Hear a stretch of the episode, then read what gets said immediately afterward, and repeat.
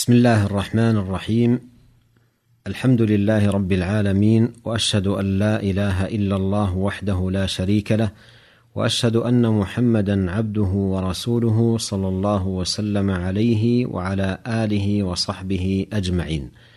أما بعد فالحديث هنا في بيان ما يتعلق بخف رسول الله صلى الله عليه وسلم وكذلك ما ورد في نعله عليه الصلاة والسلام. والخف يجمع على خفاف وهو معروف يصنع من الجلد ويلبس في القدم فيغطيها كاملة.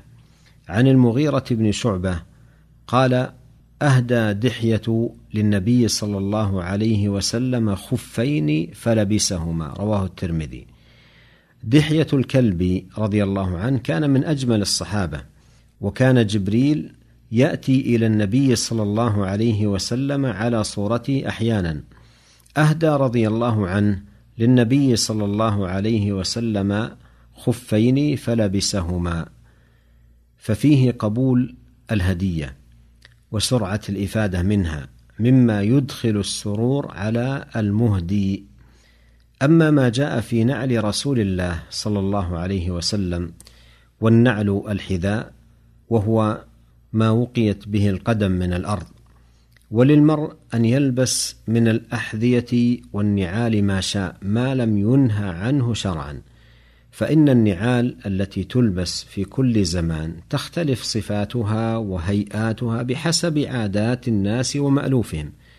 فالأصل في كل ذلك الإباحة حتى يرد الدليل على تحريم شيء منه.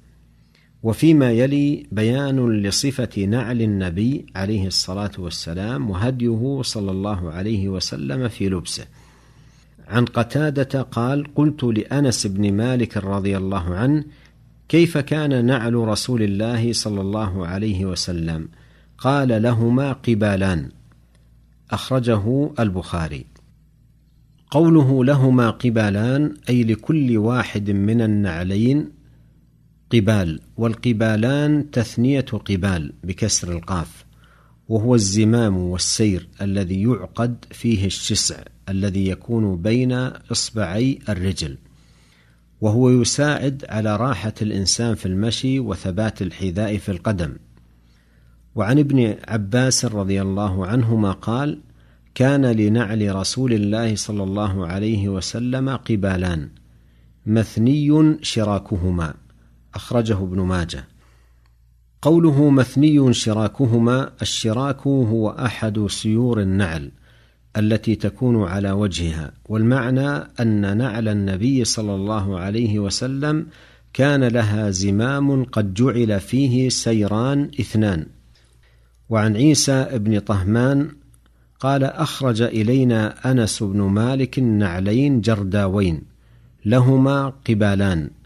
قال فحدثني ثابت بعد عن أنس أنهما كانتا نعلي النبي صلى الله عليه وسلم.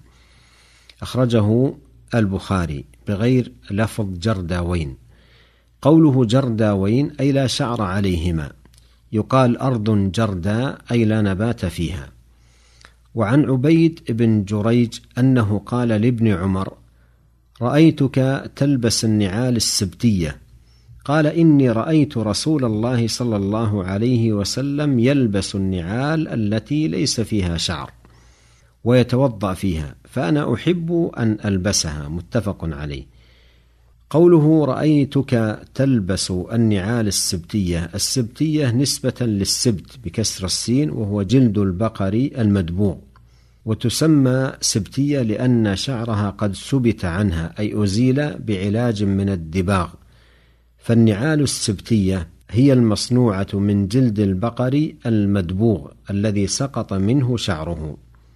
قوله إني رأيت رسول الله صلى الله عليه وسلم يلبس النعال التي ليس فيها شعر هذا معنى السبتية. والنعال إذا صنعت من جلود بهيمة الأنعام فاحيانا يبقى عليها الشعر كاملا واحيانا يبقى عليها مخففا وأحيانا يزال بالكلية فتوصف عندئذ النعل بأنها جرداء وأنها سبتية. قوله ويتوضأ فيها يحتمل أنه صلى الله عليه وسلم يتوضأ وهي عليه فلا ينزعها أو أنه يتوضأ ثم يلبس النعلين والرجلان رطبتان من أثر الوضوء. قوله فأنا أحب أن ألبسها أي أحب عبد الله بن عمر رضي الله عنهما أن يلبس النعلين السبتيتين لأنه رأى النبي صلى الله عليه وسلم يلبسها. وعن السدي قال حدثني من سمع عمرو بن حريث يقول رأيت رسول الله صلى الله عليه وسلم يصلي في نعلين مخصوفتين أخرجه النسائي في السنن الكبرى. وفي إسناده من لم يسم وهو الراوي عن عمرو لكن جاء ما يقويه عند الإمام أحمد في المسند وغيره. قوله مخصوفتين أي مخروزتين والخصف هو ضم الشيء إلى الشيء وخصف النعل معناه خرزها بأن يضم بعض أجزائها إلى بعض. وكان صلى الله عليه وسلم يخصف نعله بيده كما جاء ذلك في المسند من حديث أم المؤمنين عائشة رضي الله عنها.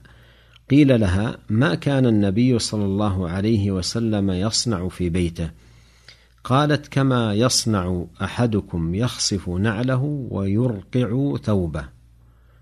وفي الحديث صلاته صلى الله عليه وسلم بالنعلين. وقد صح ذلك عنه صلى الله عليه وسلم في سننه القولية والفعلية. فلا إشكال في جوازه عندما تكون أرض المسجد ترابا وحصباء أو تكون الصلاة في الصحراء. وقد ورد في فتاوى اللجنة الدائمة قولهم لكن بعد أن فرشت المساجد بالفرش الفاخرة في الغالب ينبغي لمن دخل المسجد أن يخلع نعليه رعاية لنظافة الفرش ومنعا لتأذي المصلين بما قد يصيب الفرش مما في أسفل الأحذية من قاذورات وإن كانت طاهرة. وعن أبي هريرة رضي الله عنه أن رسول الله صلى الله عليه وسلم قال لا يمشين أحدكم في نعل واحدة لينعلهما جميعا أو ليحفهما جميعا. أخرجه البخاري ومسلم. هذا يتعلق بهديه صلى الله عليه وسلم في لبس النعل. قوله لا يمشين أحدكم في نعل واحدة أي بحيث تكون إحدى الرجلين منعولة والأخرى حافية. قوله لينعلهما جميعا أو ليحفهما جميعا أي إما أن يمشي بالرجلين منعولتين أو يمشي بهما حافيتين. أما أن تكون إحدى الرجلين حافية والأخرى منعولة فهذا الذي نهى عنه النبي صلى الله عليه وسلم. وأوضح ما ذكر في الحكمة في ذلك أمران. الأمر الأول قيل لئلا يكون في ذلك تشبه بالشيطان ولهذا روي في بعض طرق الحديث زيادة إن الشيطان يمشي بالنعل الواحدة.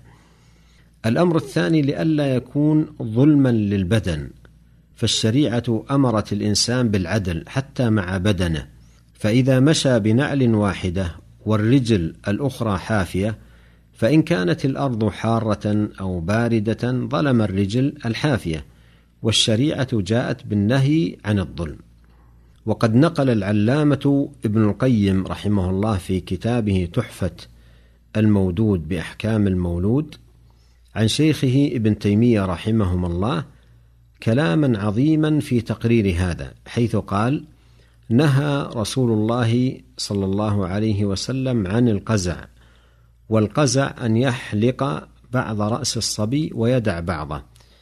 قال شيخنا وهذا من كمال محبة الله ورسوله للعدل فإنه أمر به حتى في شأن الإنسان مع نفسه فنهى أن يحلق بعض رأسه ويترك بعضه لأنه ظلم للرأس حيث ترك بعضه كاسيا وبعضه عاريا. ونظير هذا أنه نهى عن الجلوس بين الشمس والظل فإنه ظلم لبعض بدنه ونظيره نهى أن يمشي الرجل في نعل واحدة بل إما أن ينعلهما أو يحفيهما. ويذكر أن الشيخ ابن باز رحمه الله سأله سائل فقال لو كانت النعل الثانية بعيدة عني خطوة أو خطوتين أفأمشي إليها بنعل واحدة؟ فقال رحمه الله إن استطعت ألا تخالف السنة ولو بخطوة واحدة فافعل. وعن أبي الزبير عن جابر رضي الله عنه أن النبي صلى الله عليه وسلم نهى أن يأكل يعني الرجل بشماله أو يمشي في نعل واحدة. أخرجه مسلم. قوله يعني الرجل ليس معنى ذلك أن الحكم مختص بالرجال. لكن يذكر الرجال غالبا في أحاديث الرسول صلى الله عليه وسلم لأنهم الذين يوجه لهم الخطاب غالبا وإلا فالحكم يشمل الرجال والنساء على حد سواء. والنهي عن الأكل بالشمال يشمل النهي عن الشرب بها أيضا فلا يجوز الشرب بالشمال كما لا يجوز الأكل بها. قوله أو يمشي في نعل واحدة اي نهى صلى الله عليه وسلم عن أن يمشي الرجل في نعل واحدة بحيث تكون إحدى الرجلين منعولة والأخرى حافية وهو بمعنى الحديث الذي قبله.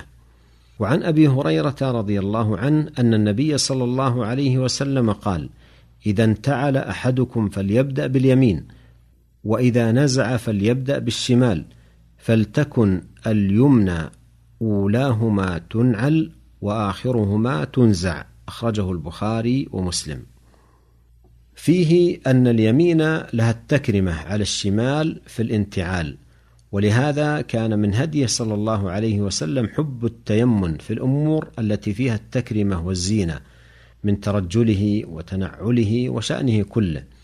وتقدم اليسرى في ضد ذلك كنزع النعل وعند دخول الخلاء وعند الخروج من المسجد.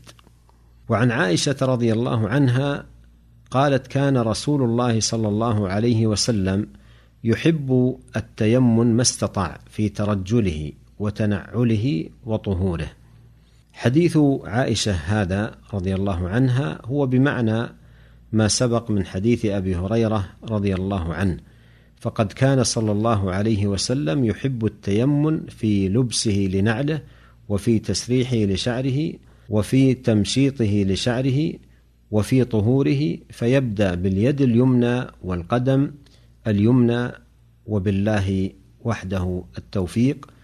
نسأله جل وعلا أن يوفقنا أجمعين لكل خير وأن يصلح لنا شأننا كله وصلى الله وسلم على عبده ورسوله نبينا محمد وآله وصحبه أجمعين والسلام عليكم ورحمة الله وبركاته.